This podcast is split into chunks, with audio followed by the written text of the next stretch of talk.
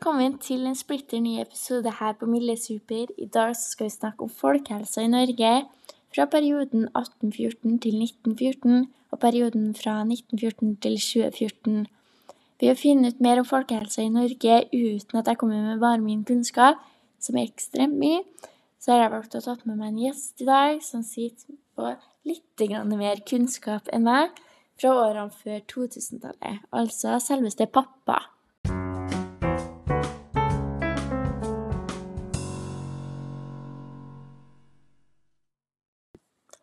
For at vi skal skjønne hvor mye Norge har utvikla seg på 100 år, så må vi vite hvordan det var i perioden 1814 til 1914.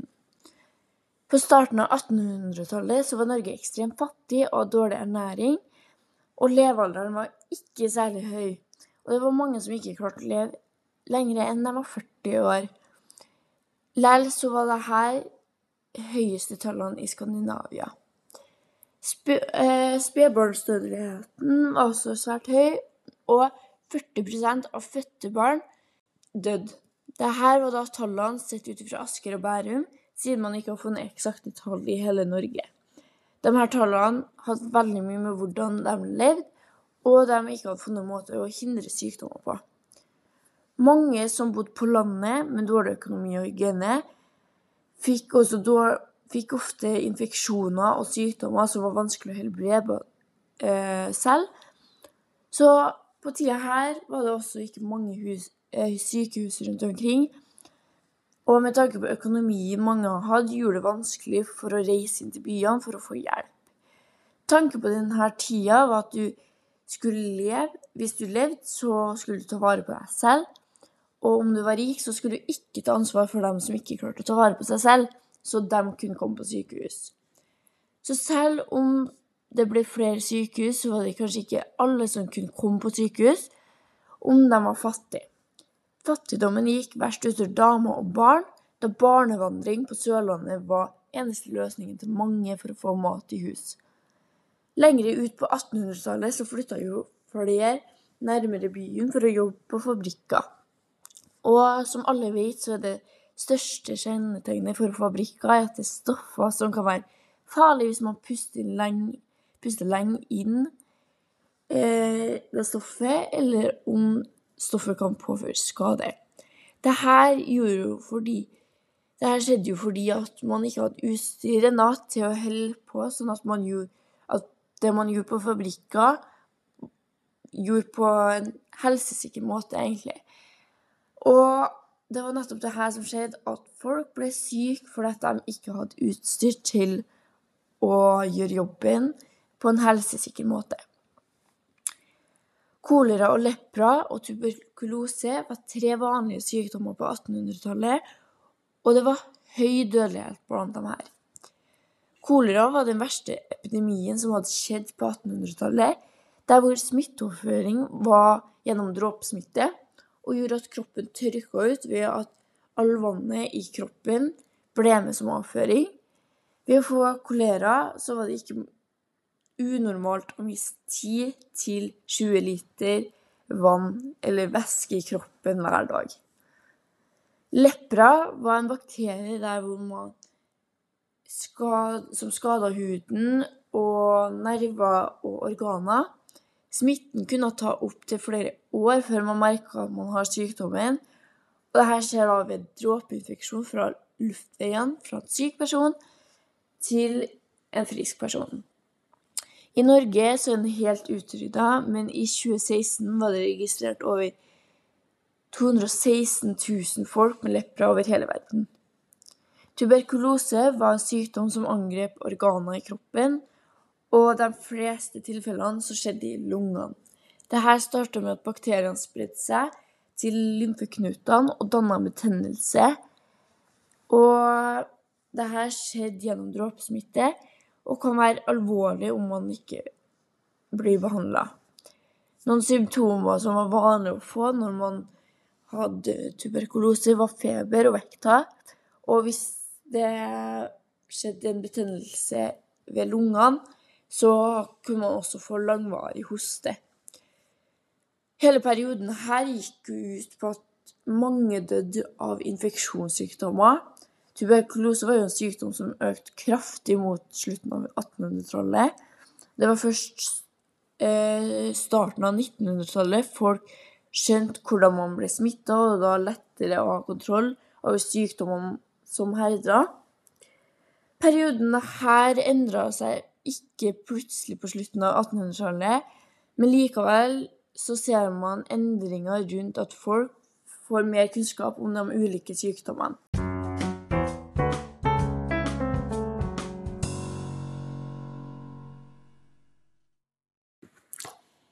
Så da sitter jeg her med pappa. Hallo. Eh, I dag så tenkte jeg å finne ut mer om hvordan det var når du var yngre, og om det var noe som du syns har forandra seg veldig til den dag i dag. Og for at du ikke skal snakke om hele livet ditt, som starta i 1961, så tar, vi bare, eh, så tar vi utgangspunkt i hvordan det var når du var rundt min alder. Så først så kan vi jo starte med hvor du bodde, da. Og om du har flytta gjennom oppveksten din med familien og sånn. Jeg ble jo født på Byåsen og bodde der eh, på Åsveien frem til jeg var sju år. Og så flytta vi på Charlottenlund. Og der bodde jeg frem til jeg var ferdig med videregående og skulle begynne på befalsskole. Eh, bodde du bare med familien din, altså kjernefamilie, eller bodde du i, i en storfamilie? Det starta med kjernefamilie med tre søsken og to voksne foreldre. Og så etter hvert, eh, når jeg var 10-12 år, så kom bestemor og bestefar flyttende inn og hadde en liten leilighet i huset vårt.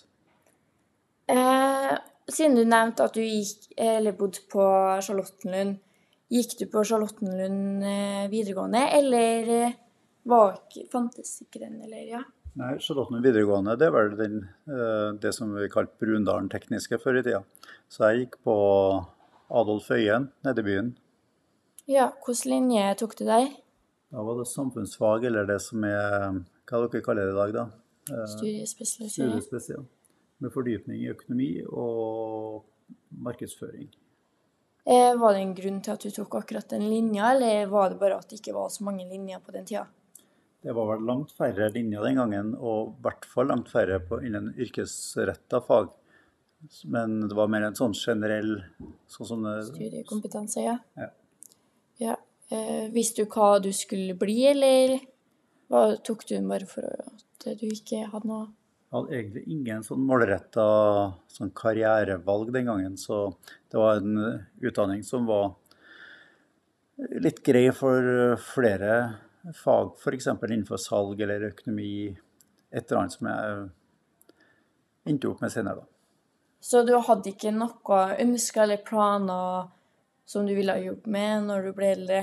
Ikke egentlig. Ikke da, i hvert fall. Men siden du tok økonomi, og det er jo det du jobber med i dag, angrer du for at du tok det valget, eller Nei, når jeg ser at jeg kan kombinere salgsjobb og økonomikunnskapen jeg tilegna meg den gangen, så ser jeg at jeg har Det virker som at jeg har eh, valgt rett. Men det er jo litt tilfeldig her i livet, da, så jeg starta jo etter befalsskole og, og plikttjeneste med, med å være selger et par-tre år. Og så kom jeg inn i økonomistillingen som jeg har i dag.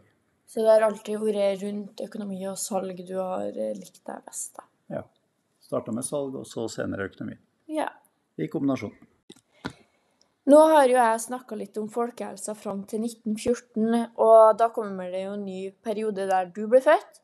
Kan du huske om det var noen typiske helseutfordringer på den tida? Nei, det var vel ikke det når jeg ble født, i hvert fall ikke blant dem som jeg øh, ble vokst opp sammen med, men foreldrene våre og dem som var eldre enn oss, de røyka mye. Det var mye røyking den tida.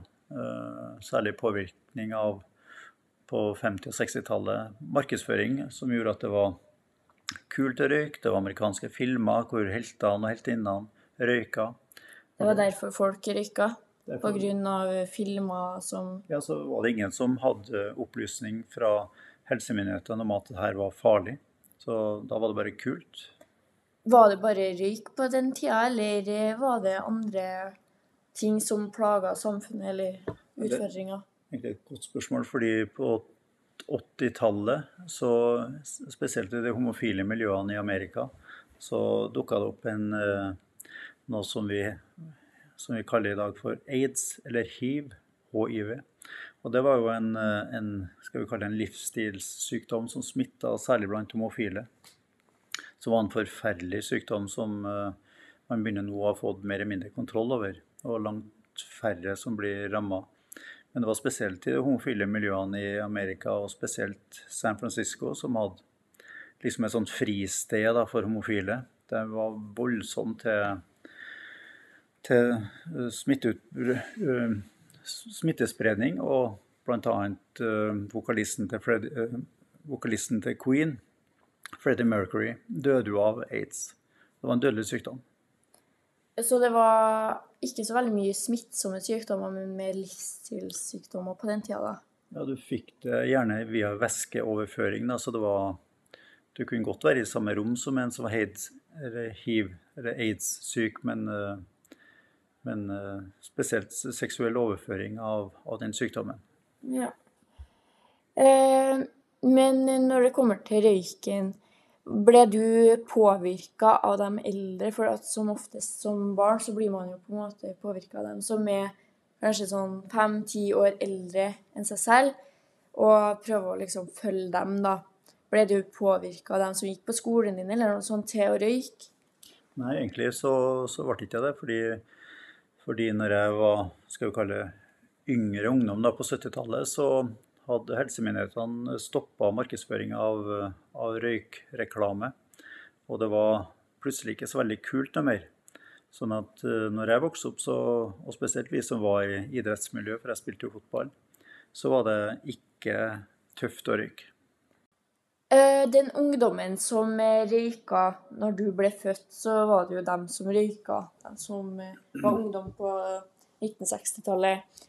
Uh, slutt slutta de å røyke, eller klarte de å begrense seg, eller var det veldig vanskelig for dem som Jeg tror at de som røyker, de sliter skikkelig med å, med å slutte å røyke. Men i og med at det ikke ble, uh, at det ikke ble så, så, kult noe mer, så, så, tror jeg en del av dem som, uh, som uh, hadde muligheten til det, klarte å slutte. Men det, det virker som at de som røyker i dag, fortsetter å røyke. De har veldig store problemer med å med å slutte å røyke. Så det, men nå har det kommet mye eh, tabletter, tyggegummier og røykeplaster og så forskjellig som gjør at du får en viss mulighet til å komme deg ut av det der. da. Ja. Men dem som var ungdom på når jeg var liten, dem tror jeg nok eh, fortsatte å røyke til de eh, ble gamle. Ja. I perioden her så fikk jo også Norge mange nye vaksiner. Og jeg har jo tatt alle vaksinene som var til barn. Fikk dere det samme tilbudet, eller var det helt annerledes da? Det var nok nokså likt det som eh, du har tatt av type vaksiner. Jeg husker at vi jeg tror at det var ganske nytt når vi var små.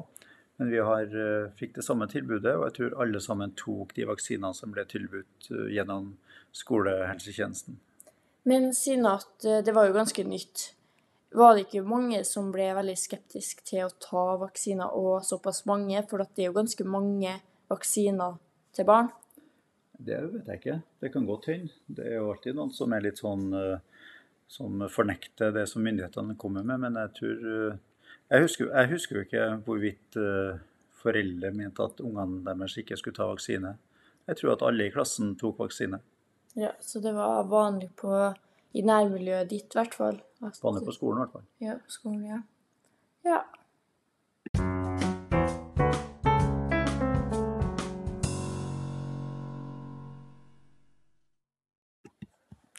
Som vi vet, så er det ikke lenge siden vi var i perioden 1914-2014.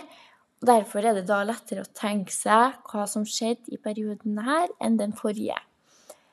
Eh, først så ble det jo mindre fattigdom og bedre ernæring og hygiene blant folk. Levekårene ble forbedra til de aller fleste, selv om det tok litt lengre tid til noen andre. Eh, og Norge gikk fra et fattig land til et velstående og et rik nasjon på bare 100 år. Kostholdet til flere endra seg, og flere livsviktige vitaminer ble oppdaga rundt 1920-årene. Pga. at det er mange som jobba innendørs eller i gruvene tidlig på 1900-tallet, så var mangelen på D-vitamin farlig, siden at de fleste jobba mange timer, og mange rakk ikke engang å se et lysglimt i løpet av en dag. Så da kom det anbefalinger om rekke av kosttilskudd som dekka behovene. Men det her stoppa ikke Norge med de nye sykdommene.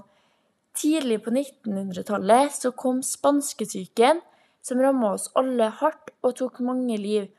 Dette var altså en influensapandemi som starta i 1918 i Norge, som tok livet til omkring 10% av verdensbefolkninga, som er et ganske høyt tall til å være en pandemi. Tuberkulose var også en kjent infeksjon på starten av 1900-tallet. Men med det her så sank det jevnt de neste 50 årene. Bedre helse og levestandard gjorde at tuberkulose gikk ned før vi fikk tilgang til en vaksine. Det var først i 1947 vaksiner til tuberkulose kom, da. I denne perioden kom det mange vaksiner til Norge, som gjorde at Norge vokste mer og mer når det kom til immunforsvaret til folket, og de fleste klarte å holde seg friske. Ikke bare vaksiner kom, men første antibiotikumet, penicillin, kom i 1940, som ble brukt mot først og fremst barneinfeksjoner, men senere ble det jo også brukt til andre infeksjoner også. Mot slutten av 1900-tallet så kom flere og flere ut av skapet, som vil da si at man har en annen legning. Og dette gjorde da at flere enn det det har vært, fikk kjønnssykdommer. Og allerede i 1985 var hiv-testen tilgjengelig. Da vi fikk kontroll på de smittsomme sykdommene, så er det nå rundt 1945-årene at folk fikk mer livsstilssykdommer, nå som tobakksbruken ble høyere og høyere. Det var her det her var med på å øke risikoen for hjerte- og karsykdommer, da. I midten av 1900-tallet så fant vi olje, som gjorde Norge veldig godt, og det var lettere å få bygga opp landet som et rikt land. Det hjalp mange med helsa si ved at de ikke trengte å jobbe mange timer hver dag, og ungdomsskolene og videregående skolene ble gradvis innført, istedenfor at barna måtte være hjemme og hjelpe til. Men selv om det har blitt bedre på mange ting, så er det mye som har blitt verre. Norge har blitt et rikt land som gjør at det er mulig å kjøpe tobakk, junkfood, snop og drikker med masse sukker i. Mange får seg jobber der hvor man sitter mye og krever mindre husarbeid i hjemmene. De fleste bor også nærme byene eller til et sentrum som gjør at varer er lett å få tak i, og da blir det jo selvfølgelig et økt tilgang til rusmidler. På slutten av perioden her så har levealderen økt kraftig, og nå er gjennomsnittet rundt 80 år. Og det er også stor oppmerksomhet på det på den psykiske helsa, og allerede i 2008 så har de lagt en opptrappingsplan. Og selvfølgelig så er det hygiene og god helse som har blitt det nye fokuset.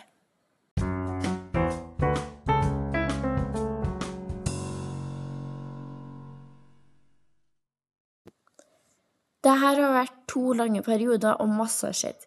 Første perioden så gikk det mye på smittsomme sykdommer, som i andre perioden ble bedre på, men da kom det mer og mer livsstilssykdommer, som ble med også inn i den nye perioden, som vi nå er i, fra 2014. Helsa har blitt bedre til flere og flere, og folk får god hjelp selv om de står hvor de står med tanke på økonomien. Men vi har fortsatt masse å jobbe med, men utviklinga fra 1814 har vært stor. Vi var også veldig heldige som fikk pappa som gjest i dag, hvor han fortalte oss litt om hvordan det var når han var like gammel som meg.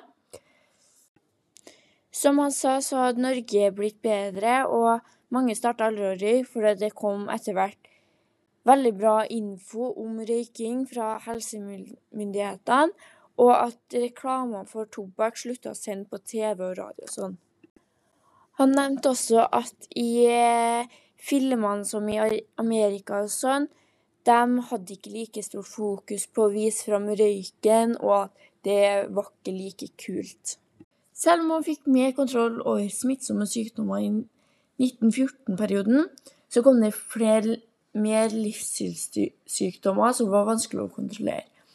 Men flere fikk seg jobber, og Norge ble et rikere land som gjorde at det ble lettere å få hjelp fra staten, sykehus osv. Så, så nå håper jeg at alle dere som fortsatt sitter og hører på, har lært dere masse nytt, og kanskje rydda opp litt i periodene hvordan det var.